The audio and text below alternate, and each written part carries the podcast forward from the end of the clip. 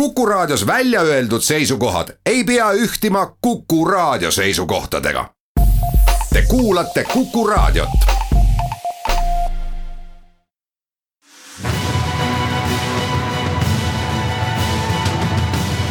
kaks ühes. tere, head sõbrad käes on jälle teisipäev ja algamas on saade Kaks ühes, mis on Kuku raadio eetris igal teisipäeval ühest kaheni koos kahe targa peaga, aga oma pea olen ma seegi kord kaasa võtnud, minu nimi on Vilja Kiisler, olen Postimehe ajakirjanik. räägime täna valimistest, räägime programmidest, räägime sellest, kuidas erakonnad välja paistavad, mida nad meie elu paremaks tegemiseks kavatsevad ette võtta ja kui suur on lootus, et see neil ka õnnestub saate esimeses pooles saab sõna Tööandjate Keskliidu juht Toomas Tammsaar, kellega vaatame erakondade programmide majandusosa ja saate teises pooles räägime politoloog Martin Mölderiga sellest, missugune on selline laiem, sotsiaalsem, poliitilisem plaan erakondadel ja missuguseks võiksid jõuvahekorrad kujuneda pärast valimisi. Toomas Tammsaar, tere tulemast tere päevast. sinad ja teied on selles saates ikka nagu nad on päriselus ja Toomasega olen ma elus varem kokku puutunud, seetõttu me sinatame. Räägime sellest, kui hästi meil läheb ja kui hästi meil minna võiks, kui pärast valimisi läheks elu nii heaks, nagu erakonnad meile valimisprogrammides lubavad Reformierakond on see, kes äh, püüab kehtestada majandust justkui valimiste keskse teemana, aga see ei õnnestu tal kuigi hästi, sest äh, majandus kasvab, skp numbrid on head. ja kuigi ette on näha teatavat jahtumist, ei karda keegi veel suurt kriisi aga enne kui rääkida Reformierakonnast või mõnest teisest konkreetsest erakonnast, võiksime mõelda selle üle, kui hästi meil päriselt läheb, kui meil läheb hästi ja kui palju paremaks ta saab minna kui erakonnad oma programme hakkavad ellu viima moel või teisel pärast valimisi? meil läheb majanduslikus mõttes praegu väga hästi. Äh, läheb nii hästi, et, et, et siit nii-öelda lühikeses perspektiivis palju paremini hästi, hästi minna ei saa. ma arvan, et pikas perspektiivis saab palju paremini minna, aga selleks on vaja siis nüüd teha tegelikult neid poliitilisi otsuseid. millest osa on, on, on ka see, mis siis programmides on kirjas või ei ole kirjas miks on ikkagi läinud niimoodi, et majandust püüab Reformierakond keskmesse tõsta, teise, teised erakonnad tuld ei võta ja majandus ei ole hetkel teema, mis inimesi kõnetaks? noh, tõepoolest üks lihtne põhjus on see, et, et läheb hästi ja headel aegadel inimesed ei kipu ülearu muretsema selle pärast, kuidas on homme või ülehomme aga küllap on siin, kui niimoodi valjusti mõelda, oma osa ka sellele, et praegune valitsuspartei Keskerakond ei ole traditsiooniliselt majandusteemadel tugev olnud. ja väiksemad parteid ei ole ju majandusteemadel olnud ka need, kes langetavad suuri otsuseid või suunavad kuidagi inimeste arusaamist sellest, kuidas meil läheb ja kuidas meil minna võiks just rahakoti mõttes, majandusliku kindlustunde mõttes ma arvan, et sa tegelikult juba nimetasid ära selle peamise põhjuse. meil niikaua kui läheb hästi, ei ole põhjust inimestel majanduse peale liiga palju mõelda. me oleme, me oleme näinud Eestis palgakasvu nüüd mitu aastat järjest, kuus protsenti, kuus-seitse protsenti aastas. mis on nende maailma kontekstis ikkagi erakordselt kiire palgakasv, tõsi see palgakasv ja sissetulekute kasv ei jaotu ühtlaselt ja see tähendab, et noh, eks pingeid on siin ka selle, tänu sellele mõnevõrra üleval ja neid pingeid on kahtlemata ka poliitikud ise võimendanud.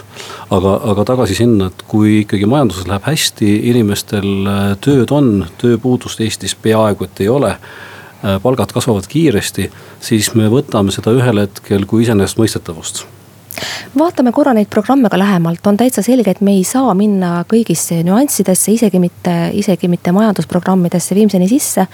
aga ma näen, sa oled teinud ära suure eeltöö ja vaadanud läbi kõigi erakondade programmid, võtnud kaasa ka mõned väljaprindid. tee üldistus, missugusena sa näed eh, nende praeguseks avalikuks saanud programmide majanduslikku sisu ja kuivõrd see siis vastab Eesti ees seisvatele tegelikele majanduslikele väljakutsetele? ma näen, et need, need programmid äh, majanduse lõikes on hästi ebaühtlased. on erakondi, mil, mis on äh, selgelt äh, palju mõelnud majandusasjade peale ja on erakondi mis, mis ei mõtle väga palju majanduse peale, et noh, täitsa selgelt on ikkagi paar erakonda, kelle, kellel on oluline fookus, et kuidas kuidas tuleb raha riigi seina sisse, kust teda siis saab välja võtma hakata. enamus erakondi tahavad tegeleda pigem sellega, et, et kuidas see raha sealt seina seest kätte saada ja, ja kuidas seda siis ümber jagada võib-olla kõige olulisem on mitte isegi see, millest räägitakse programmides, vaid see, millest ei räägita programmides, ka siis, kui me mõtleme majanduse peale. ja, ja võib-olla noh, kõige no ühe erandiga noh, tegelikult ei räägita äh, kõige suuremast Eesti väljakutsest ja see on meie rahvastik ja, ja sellega seonduvatest, sellest tulenevatest probleemidest ka majanduses rahvastikust räägitakse väga palju, aga ilmselt ei räägita rahvastikust selles võtmes, nagu sina tahaksid kuulda, pigem siis tööjõuturu võtmes saan ma õigesti aru? Äh, noh, tööjõu, tööjõuturu võti on üks. Äh, Eesti kakssada on tõepoolest selle, selle probleemi väga selgelt ära sõnastanud. ja kirjeldanud, et mis saab siis, kui meid on, ongi üks miljon, mitte üks koma kolm miljonit aga, aga see on väga valus probleem ja sellest enamus erakondi ei taha rääkida. küsimus on näiteks, ähm, me kõik, äh, kõik erakonnad teavad et juba kolme-nelja aasta pärast läheb haigekassa eelarve miinusesse ja see, see miinus hakkab väga-väga kiiresti kasvama, kõik teavad seda. Mida me näeme programmidest, lühendame ravijärjekorrad äh, poliitikud teavad päris hästi, et see raha, mis, mis praegu haigekassale juurde tuleb, läheb valdavalt valdavalt läheb ta meedikute palkadeks. ravijärjekordade lühendamiseks sealt tegelikult väga palju ei jää, aga neid lubadusi me loeme ikka jälle, eks, et. ehk need probleemid, mis tulenevad meil iseenesest nii-öelda tööjõu vähenemisest ja kogu rahvastiku struktuuri muutusest. Neid väga ei taheta adresseerida. loomulikult tööjõuturg on üks osa sellest samamoodi, mida üldiselt väga ei taheta ikkagi tõsiselt rääkida, on riigireformiga seonduv.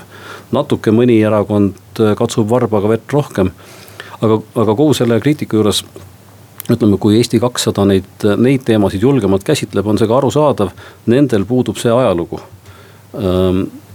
mille pealt saaks nendele teha etteheidet, aga mis te ise tegite, et miks te siis ei ole juba küsimust lahendanud, nendel on palju lihtsam tegelikult äh, kirjutada programmi, mis on süsteemsem, mis adresseerib nii-öelda suuri probleeme ja, ja selle käigus võib-olla ka julgemaid lahendusi. kuna nendel ei ole olnud seda olukorda, et ise olete ju valitsuses olnud, miks te ei teinud siis? no hästi lühidalt, Reformierakond räägib maksudest kõige rohkem. kuivõrd sa näed, et see maksuteema pärale jõuab ja kuivõrd see üldse lahendab mõnda päris probleemi? Ma arvan, et siin on, see on üks küsimus, mis on reformis, Reformierakonna programmis on sees ja mis mul on sümpaatne. on see, et, et katsuks nüüd mõneks ajaks mingisuguse maksurahu teha. maksudega on tõmmeldud nii palju viimastel aegadel. see, kas meie maksukoormus on ühes või teises nurgas natuke kõrgem või madalam, see mõjutab ühte või teist sektorit. aga majanduse tervikseisukohalt ma arvan, et põhiprobleem ei ole täna tegelikult maksud ise ega maksu nii-öelda maksumäärad või, või nii-öelda maksukoormus. vaid pigem see, kuidas nende maksudega tõmmeldakse. ja see, et, et, et kirjutame maksurahu sisse, see on reformil sees. ja see on tegelikult paaril teisel erakonnal veel läbi käinud, see mõte. seda, et, et maksudest ei saa põhiteemat valimistel, see on, see on tõenäoline, aga me päris täpselt ei tea me päris täpselt ei tea, mis hakkab juhtuma nüüd, kui inimesed tegelikult aasta algul hakkavad teada saama, mis nende tulumaksuga toimub tõepoolest nii see on, tõmbame siinkohal väikese joone alla, kuulame ära mõned teated, mis siia formaadi kohaselt vahele käivad ja jätkame siis juttu Toomas Tammsaariga programmide majandusosast.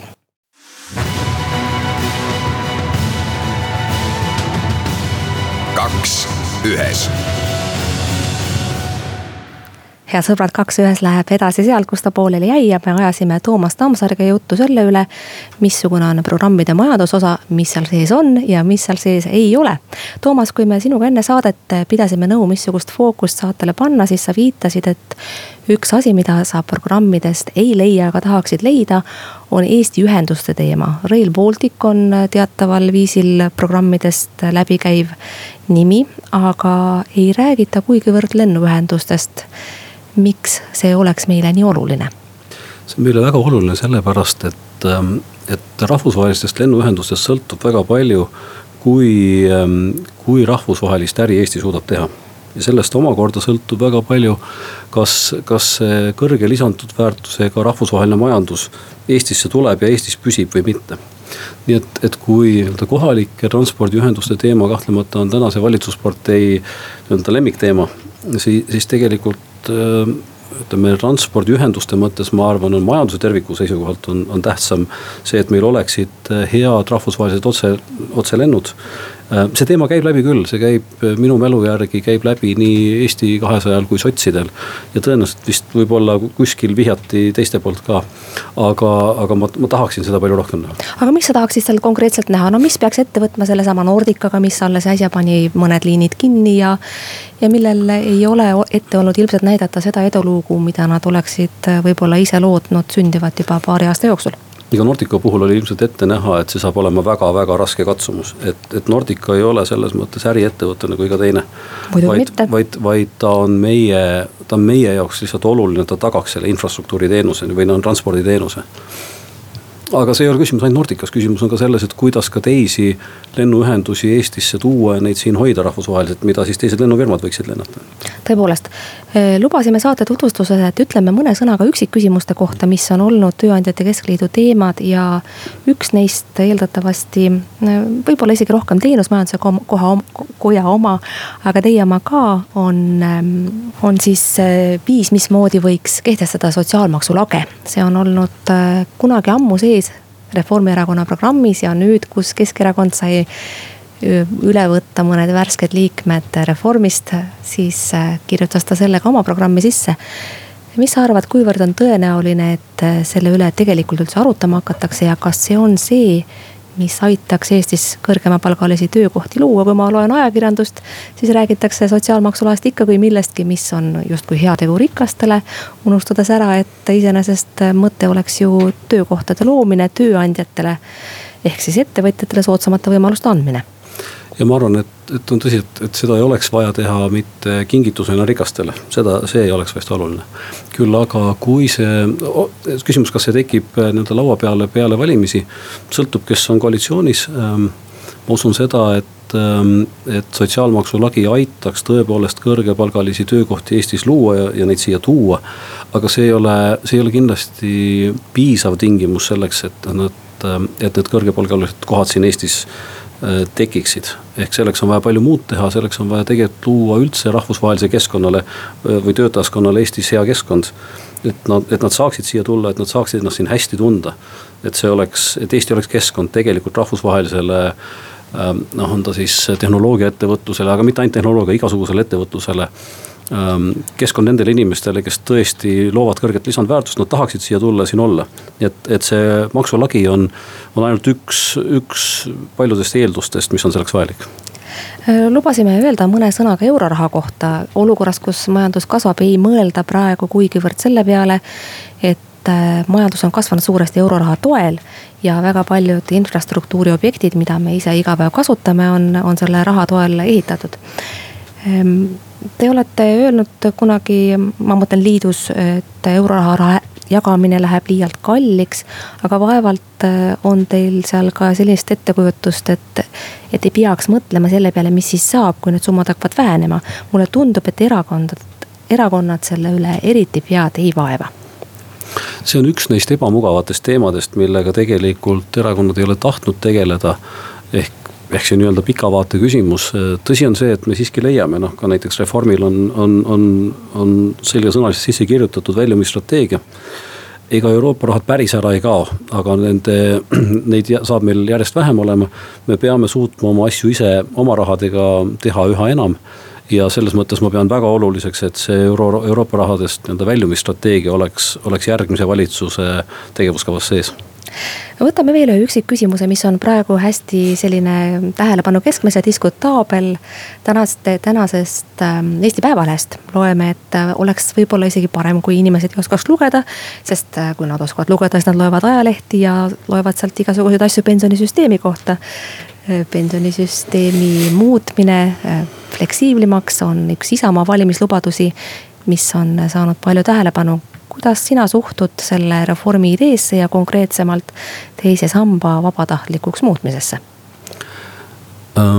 ma ei suhtu sellesse hästi.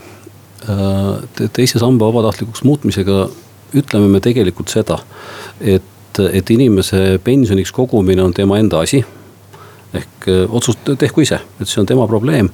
sellega me tegelikult ütleme justkui seda, et kui ei kogu, no siis see on sinu probleem ja ega riik sulle siis appi ei tule päriselt sellist asja ei juhtu, ma, ma ei usu sellesse mitte mingisugusel moel. et Eestis oleks see võimalik, et me ütleme, et nüüd need, kes on targad ja koguvad pensioniks, need elavad siis nii-öelda õnnelikku pensionielu ja need, kes äh, seda ei tee äh, need las-, nendel laseb siis riik nii-öelda vanaduses äh, tõsiselt vaesusesse kukkuda, ma päriselt tõesti ei usu seda. Ehm, seda, et inimesed hakkavad vabatahtlikult koguma, noh, mitte kuidagi ei toeta ei rahvusvahelised kogemused ega ka mitte meie enda Eesti enda kogemus. Ehm, me, meil on ju olemas kolmas sammas, mis on vabatahtlik, igaüks võiks ise ju sinna koguda. Ehm, seal on, on meil raha täna sees kolmsada, kolmsada, nelisada miljonit ehk noh, umbes kümme korda vähem kui teises sambas. inimesed ei ole seda valikut ise teinud, nad ei kogu ja, ja, ja rahvusvaheline kogemus ütleb seda, et inimesed hakkavad pensioni peale mõtlema ehk umbes viiekümneselt või natuke varem. no keegi ei usu, et ta kunagi vanaks saab ja ära sureb. No nii on, et noortel inimestel on muid muresid kui, kui pension. Ehm, ja nüüd selles olukorras, kui me teeksime seda, et me teeme selle vabatahtlikuks, see tähendab mida tegelikult me paneme, teades, et, et tegelikult tulevikus ikkagi riik hoolitseb oma vanade ja vaeste eest. paneme me selle maksukoormuse oma laste õlgadele. ja minu arvates see on vastutustundetu, seda me ei tohiks mitte mingil juhul teha. ma annan sulle meie aja lõppema hakates nüüd ka võimaluse öelda midagi nende programmide eh, majandusosade kohta säärast, mille kohta ma küsida ei taibanud, aga mis sul oleks muidu südamele jäänud? Ehm, mis on hästi oluline küsimus minu arvates, on kohalike omavalitsuste huvi ettevõtluse edendamise vastu. meil tänane olukord on maksusüsteem kuidagi seda tegelikult, seda huvi ei kasvata. Ähm, liiga palju me ei leia äh, ka valimisprogrammidest selle teema kohta, sotsid on välja pakkunud, et nii-öelda töökoha eest maksta tuge omavalitsustele. aga tegelikult, ähm, tegelikult lahendust me seal, seal ei näe siis mulle on sümpaatne see, et, et paaril erakonnal on siiski sees, Reformil ja Eesti kahesajal on selgelt sees ettevõtluskeskkonna nii-öelda positiivne ettevõtluskeskkond ja see on, see koosneb tuhandest pisikesest otsusest. mis meie igapäevaelu seni näitab, et noh, et sinnapoole ei liigu ähm,. ettevõtluskeskkonda on, on lörtsitud päris palju igasuguste väikeste, noh, kuidas ma ütlen, väikeste takistustega nii et, et noh, me, me leiame paarist kohast siiski see, seda, et, et seda on ka prioriteetseks peetud ja see on, see on hea. igal pool ähm, ähm, juba peaaegu on, on nüüd sees lubadus, millele ka poliitikud allkirja andsid, et teadus-arendusrahastust ühe protsendini SKP-st suurendada. ma arvan, et see on oluline töövõit, siin on ka tegelikult just ettevõtluse surve olnud hästi, hästi suur ja, ja, ja see lubadus on hea. nüüd on tähtis, kuidas see raha ära kasutatakse ja siin kindlasti me, me tahaksime näha seda, et seda raha lihtsalt ei jagata nii-öelda tead, teadusele laiali, et tehke, mis tahate. vaid et see lisanduv raha peaks suures osas minema, minema just nimelt äh, majanduse arenguga seotud teaduse, teadus-arendustegevusele. Toomas, meil on jäänud üks minut ja sellest poole kingin ma sulle, et sa saaksid avaldada arvamust valimiste eelse olukorra kohta, mis võttis Postimehelt peatoimetaja. ole hea no mis sellest arvata, äh, Lauri Hussar on tark ja tubli mees. Äh, poliitika vajab Eestis tarku ja tegusaid inimesi. nii et mina ütlen, et äh, tuult tiibadesse ja, ja, ja loodan, loodan Laurit näha riigikogus ja loodan seda, et ta teeb seal oma parima Eesti elu edendamiseks aitäh, Toomas Tammsaar, saate teises pooles vaatame koos politoloog Martin Möldriga programmidele otsa üldistavamalt, jätame majanduse kõrvale, keskendume poliitilistele aspektidele ja arutleme ka selle üle, kui palju programmid üldse inimesi mõjutavad ja kuivõrd nad valimisotsuste tegemisel otsustavaks saavad.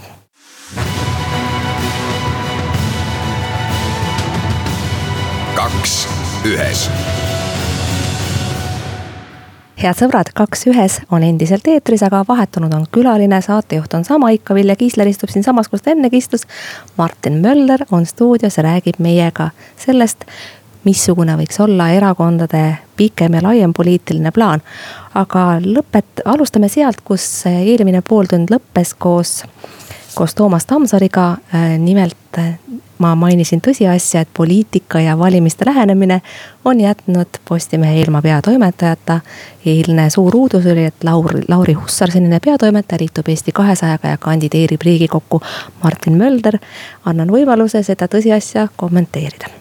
kõigepealt tere ja aitäh mind saatesse kutsumast et see Lauri avaldus eile kindlasti oli väga, väga ootamatu kõigile ja, ja, ja, tekitas palju, palju küsimusi ja küsitavusi, et äh, ise ta ütles, et see kõik tuli võib-olla natuke liiga hilja äh, strateegiliselt, samas äh, ma arvan, et äh, paljuski see tuli nagu just õigel hetkel ka. Äh, et äh, kui ta näiteks oleks teinud selle lükke kuid varem, siis see praegu oleks juba ammu unustatud, et praegu see toimus just sellisel magusal momendil, kus nagu valimised kohe-kohe tulevad. praegu on nagu kandidaatide ülesseadmise nagu päris selline viimane hetk, et ma arvan, et selline nagu viimasel hetkel sellise käigu tegemine nagu maksimeeris võib-olla sellest tulenevat võimalikku nagu tähelepanu ja tulu aga, aga jah, paratamatult sellest siin jääb nagu palju küsimusi üles, et, et nagu miks see nii ootamatult tuli äh,. kumb rohkem lükkas, kumb rohkem tõmbas, et kas Eesti kakssada rohkem tõmbas, kui Postimees lükkas või mis seal täpselt nagu taga toimus, aga noh, seda me tõenäoliselt ei saa kunagi teada seda on mul võimalus küsida Kristina Kallaselt, kui me salvestame homme suure valimiseelse intervjuu. mida siis loodetavasti üsna pea saab ka vaadata. Aga seome kaks saate poolt siin ka majanduse mõttes, Martin, te kuulasite, mida rääkis Toomas Tammsaar ja te hea meelega lisaksite mõned märkused majandusosa kohta, enne kui me tõmbame selle plaani natukene laiemaks. Jah, et see diskussioon algas sellest, et, et Reformierakond nagu on üritanud äh, majandust ja majandustemaatikat kui kehtes-, kehtestada kui, kui ütleme, selle valimise sellist põhiteemat ja see ei ole tal õnnestunud sellega seoses ma hakkasin mõtlema, et, et Reformierakond, no esiteks läbi selle, et ta tahab rõhutada majandust, ta põhimõtteliselt tahab olla seesama erakond, kes ta on nagu alati olnud. Äh, ja see on nagu võib-olla ka nende nõrkus praegu, et Reformierakond on, on olnud selline nagu nii-öelda võitjate erakond või noh, tema hääletajad on kõrgemalt haritud, äh, kõrgema sissetulekuga, et see ei ole nii-öelda, kui tulla nagu nende terminite juurde, mida Vabaerakond praegu üritab uuesti kampaaniasse tulla, siis Reformi, tuua siis Reformierakond on olnud esimese Eesti erakond, mitte, mitte teise Eesti erakond. ja, ja neil võib-olla ei ole õnnestunud see sellepärast, et, et noh, see nad on seda ühte lugu nii kaua enam rääk-, rääkinud ja see ei tööta ja nad ja millegipärast nad ei, nad ei suuda ennast kuidagi enam ümber orienteerida või kuidagi äh, noh, teist lugu endale luua äh, ja see osalt võib-olla on, on ka sellepärast, et, et selline majanduslugu äh, Reformierakonnale paljuski on, oli äh, kätte antud. et nagu see periood, kus Reformierakond oli nii-öelda pidevalt võimul alates üheksakümne üheksandast aastast alates põhimõtteliselt, see oli nagu Eesti eduloo periood ka. et sinna sisse jäi nagu Äh, Euroopa Liiduga liitumine, NATO-ga liitumine, kahe tuhandendate keskpaiga tohutu majanduskasv, sellele järgnenud majanduskriis ja ütleme, et selline üpriski äh, kindel viis, kuidas Reformierakond äh, kuidagi Eesti sealt sealt nagu läbi juhtis, et selles mõttes nagu Reformierakonna see majanduslugu, mida nad on rääkinud, ei ole tegelikult nende enda lugu olnud, et nad on lihtsalt nagu võtnud üle Eesti eduloo ja selle teinud enda edulooks. kirjutanud enda arvele. jah, ja kirjutanud enda arvele ja selle, selles mõttes võib-olla neil, neil on praegu ütleme keeruline mingit muud lugu välja mõelda, sest nad osalt võib-olla kunagi ei mõelnudki oma lugu välja see on iseenesest päris täpne sõnastus, ma pakun omalt poolt ühe aspekti veel juurde. et teatavas mõttes on ju tekkinud olukord, kus Keskerakond valitsusparteina püüab võtta sedasama äh, positsiooni sisse, mis kunagi oli Reformierakonnal. ehk siis ühelt poolt äh, haarata võimalikult laia elektoraati valitsusparteina, et kinnistada endale võimalikult pikka aega võimul püsimist. selleks on Keskerakond üle võtnud hulga teemasid ja ka valimislubadusi mis äh, varem kuulusid Reformierakonna arsenali. seesama sotsiaalmaksu lagi, millest oli juttu, eks ole, saate esimeses pooles, pärineb just nimelt äh, Reformierakonna kunagisest plaanist. see kehtestada praegu äh, opereerib sellega Keskerakond, see on aga ainult üks näide Jüri Ratas ei kõhkle ju kinnitamast, et Keskerakond on liberaalne erakond. ehk siis kogu see liberaalne agenda, mis varem kuulus Reformierakonnale, on nüüd tasapisi äh, sellel teel, et omast-, et Keskerakond selle omastab. nagu ta on omastanud ka mõningad äh, Keskerakonna endised liikmed. ja see on andnud põhjust kõnelda Keskerakonna reformierastu-, äh, reformierakonnastumisest mm. -hmm, kindlasti Keskerakond on, on muutumas. et aga me noh, me peame meeles pidama seda ka, et see muutus saab toimuda väga-väga aeglaselt, et noh, Jüri Ratas on Keskerakonda juhtinud natuke üle kahe aasta. et selle ajaga nagu väga palju sellist nagu suurt masinavärki ümber keerata ei saa, erakonda ennast ja, ja nende toetajaid, aga, aga me näeme tõesti, et nagu väikesed muudatused on, on toimunud ja võib-olla üks väga oluline muudatus, mis, mis on natuke juhtunud, on see, et, et äh, üha rohkem eestlasi on hakanud Keskerakonna poolt hääletama, see ei ole olnud veel murranguline nihe, aga need protsendid natukene on kasvanud. mis tähendab seda, et, et, et kui Keskerakond veel ütleme, saab nii-öelda võimalust äh, rahumeelselt äh, nii-öelda oma suunda sättida ja ajada, et siis, siis võib olla vägagi tõenäoline, et, et nagu nelja aasta pärast äh, nagu eestlaste toetus nendele on palju-palju suurem, sest noh, ütleme, et kui me võtame need rahvuse kaks pilti praegu. kelle poolt hääletab Vene valija, kelle poolt hääletab Eesti valija, siis need on noh, väga-väga erinevad ja, ja Keskerakond väga suur osa tema toetusest siiamaani on tänu Vene valijatele. teisest küljest on Keskerakond ju suutnud Vene valijate poolehoiu ja ka hääled säilitada, me nägime seda väga veenvalt kohalikel valimistel. ja Keskerakond on selle poolest ka äh, Reformierakonna võrreldes teatavas eelisseisus. et ta on ikkagi toonud poliitikasse päris palju vene nimedega poliitikuid, kes kõnelevad väga head eesti keelt. seda nii äh, riigi kui ka linna tasandil. tõsi, mõni minister on küll pudenenud juba valitsusest, Korbi pean siinkohal silmas aga Tallinnas me näeme ju äh, Kõlvartit näiteks väga edukat karjääri tegemas ja ta kandideerib ka riigikokku. et selles mõttes nii äh, Vene poliitikud, no Yana Toomi unustasime ka ära veel. Äh, et selles mõttes Vene poliitikud on jõudnud väga kõrgele Keskerakonna koosseisus ja teisest küljest Vene valijate hääled on jäänud alles mm. -hmm. ja siit me võime tulla nüüd programmide juurde tagasi, et, et ma arvan, et Keskerakond on nagu väga teadlik strateegiliselt ka sellest, kuidas nad peavad nii-öelda kahte üpriski erinevat valijaskonda tegelikult korraga hoidma ja, ja kasvatama selleks, et olla nagu stabiilselt edukad. Ja me näeme, et selline ühtsuse sõnum äh, kõlab nii nende üldprogrammist kui ka valimisprogrammist väga, väga selgelt äh, läbi, et ei äh, noh, ütleme, et vastandina Reformierakonnale, kes oma nädalavahetusel toimunud üritustel tõi välja igasuguseid selliseid vastandusi ja lõhesid ütleme, Eesti on ida ja lääne vahel suletuse või, või avatuse vahel, siis nagu Keskerakonna sõnum äh, oli, oli palju rohkem sellisele ühtsusele ja, ja, ja noh, ütleme, et kõigi Eesti inimestele suunatud. et selles mõttes noh, ma olen nõus, Tõnis Saarts täna kirjutas Päevalehes, kus ta rõhutas, et noh, Keskerakond on muutumas selliseks rahvaparteiks. et, et ähm, kindlasti ta sinnapoole nagu tüürib ennast. tõsi, Saarts viitab küll ka mõnele äh, haprale aluseeldusele, mis Keskerakonnale seda ülesannet nii kergeks ei tee, nagu see esialgu paistab. aga tõepoolest, ma olen nõus ja seesama kehtib ju ka isikute tasandil, et Keskerakond hoidub Reformierakonda kritiseerimast. Äh, Jüri Ratas hoidub Kaja Kallase kohta midagi halvasti ütlemast samal ajal kui Kaja Kallas äh, süüdistab head Jüri igal võimalikul ja, ja võimalikul juhul kõigis äh, pahedes ja valesti tegemistes.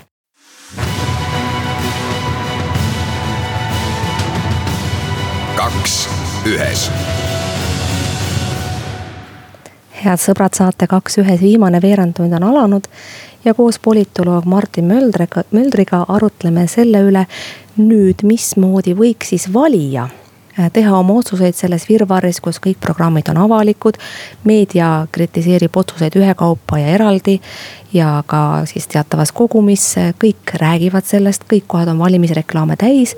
reklaame näeme nii linnas kui ka televiisorist, raadiost nad jooksevad samas on äh, kõikidel erakondadel peale programmide ja reklaamide, millega nad valijad kõnetada püüavad, ka teatav selline imago, mis on olemas ilma selleta, et nad otseselt äh, midagi parasjagu teeksid või mingisuguseid seisukohti väljendaksid. aga tuleme tagasi selle juurde, et mismoodi valija sellistes, äh, sellises hästi kirjus pildis oma otsuseid langetab ja mis on see, mida ta tegelikult võiks silmas pidada kogu selle infomüra taustal jah, et ähm, valimisprogramm on, on selline huvitav dokument, et ta on, seda võib pidada nagu erakonna selliseks kollektiivseks loominguks, kuhu on siis kokku pandud no ütleme siis erakonna kogu poliitiline tarkus. ja ma arvan, et ei, ei üheski erakonnas sees ega ka väljaspool erakondi ei ole ühtegi üksikut inimest, kes mõistaks kogu programmi, kes mõistaks isegi enamust sellest, et nagu igat ühte kõnetab, isegi eksperti kõnetab paratamatult vaid mõni üksik lubadus või mõni üksik peatükk sealt. ja mida siis nagu sellises kontekstis peaks tegema üks valija, kellel siis kaugeltki ei ole tõenäoliselt seda ekspertiisi, et, et enamikke neid peatükke kuidagi, kuidagi nagu hinnata või, või otsustada selle põhjal. et ähm, no ühelt poolt ma, ma kindlasti ei ütleks valijatele seda, et ärge üldse valimisprogrammide peale mõelge. aga mõelge nende peale nii-öelda läbimõeldult, et äh, enne kui, kui te neid lugema hakkate, et mõelge selle peale, et mis on teie jaoks mõni oluline teema, ennem kui te ühtegi programmi olete lugenud. ja alles siis vaadake, kas te ühe või teise erakonna programmist leiate selle teema ja kas te leiate selle, kuidas see erakond seda kajastab või mitte, et kui, kui nagu näiteks vastupidi sellele läheneda ja kõigepealt nagu programmidesse üritada sukelduda, siis no ühelt poolt see võib tekitada tüdimust väga kiiresti, et see on väga raske lugemine, et nagu noh, isegi ma pean pingutama, et jõuda nagu äh, erakonna programmi algusest kuni lõpuni nagu, et mul tähelepanu ära ei hajuks. aga teisalt äh, programmid on, on kirjutatud ka niimoodi, et, et kõik need äh, noh, lubadused on seal esitatud nagu valimislubadused ikka, et sellisena, et nendega on nagu üpriski keeruline mitte nõustuda. et selles mõttes ma arvan, et noh, kui ma loen ükskõik millise erakonna programme, noh, ma leian sealt igast ühest nendest terve rida lubadusi, millega ma võiks põhimõtteliselt nõustuda, kuna see lihtsalt on esitatud niimoodi, et sellega on nagu keeruline mitte nõustuda, et, et noh kes ei tahaks siis nagu vähem bürokraatiat, mis takistab ettevõtlust no,. rohkem raha kätte. rohkem raha kätte, toetusi lastele, toetusi vanuritele, et õpetajatel oleks parem ja õiglasem palk, et, et päästjatel oleks õiglasem. haridus saaks palk. rohkem raha, pensionäridel läheks paremini. ja nii edasi ja nii edasi, et noh, selles mõttes noh, seal on nii palju teemasid, mis on nagu esitatud täpselt niimoodi, et nendega peaks nagu nõus olema.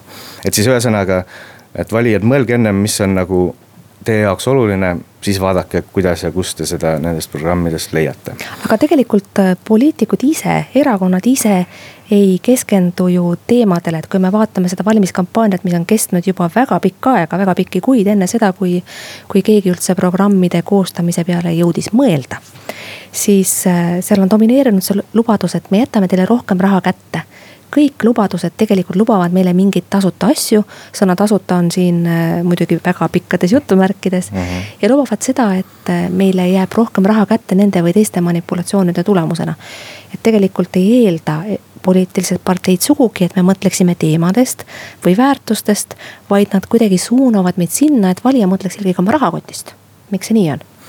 no ütleme, et need on võib-olla sellised lihtsad lubadused, mida nagu kõik saavad aru, et noh, kui see toetus tõuseb sajalt eurolt kahesaja euroni, siis noh, ma tean, mida see tähendab, kui see toetus mind kuidagi puudutab. ja nii edasi ja nii edasi.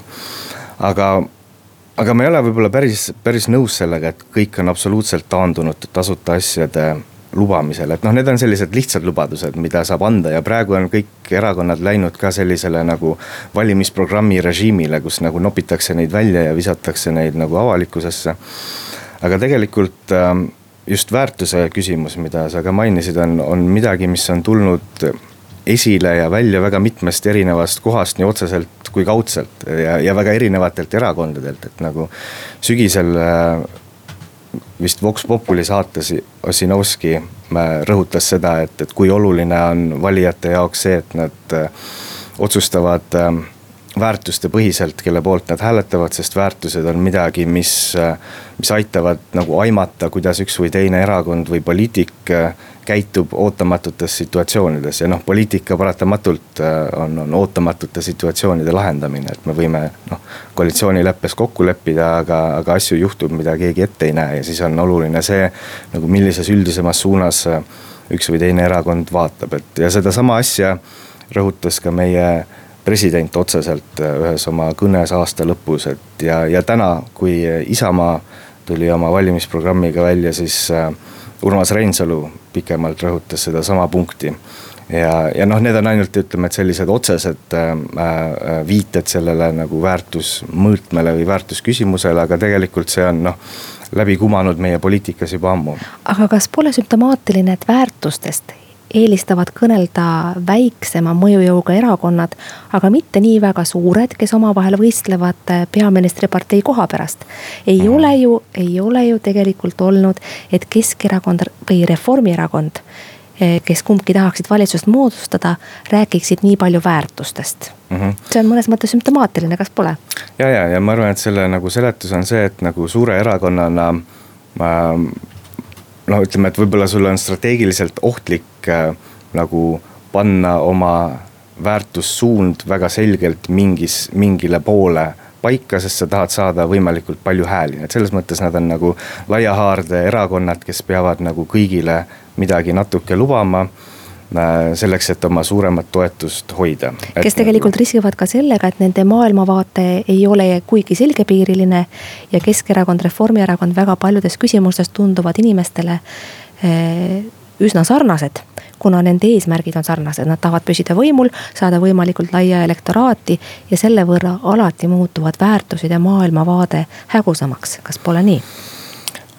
no ütleme, et ma, ma ei ole päris kindel, kui sarnased nad äh, valijatele tunduvad, et ma oma juttu alustasin sellega, et, et Reformierakonna kuvand on olnud selline võitjate erakond, aga kui me vaatame seda nagu, mis, mis sõnumit äh, Keskerakond praegu annab, õiglane riik või õiglane Eesti kõigile äh,. ütleme tähelepanu igasugustele Eesti arengu jooksul tekkinud äh, ebaõiglustele ja ebavõrdsustele äh,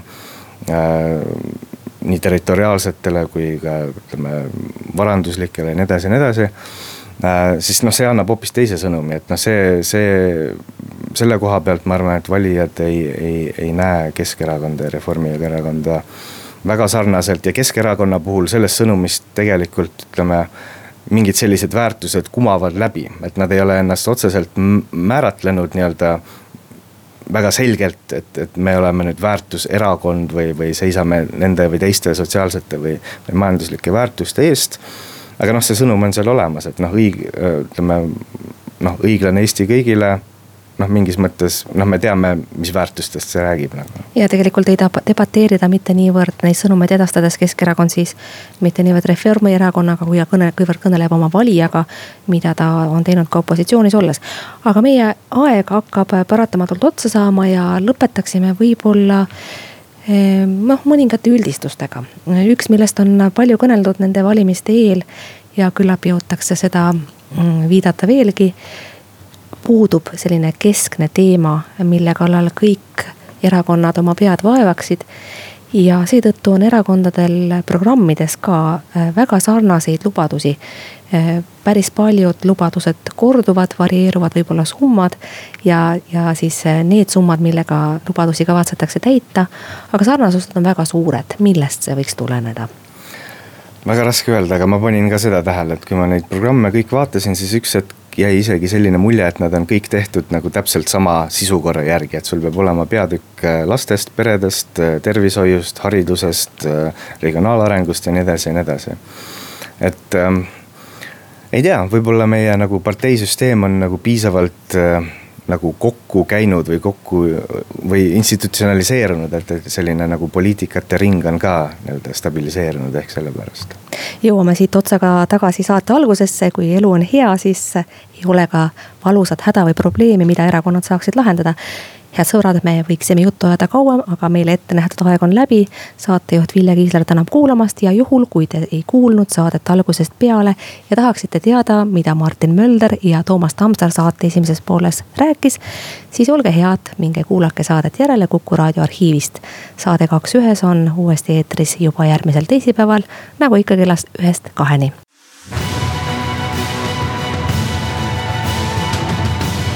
kaks ühes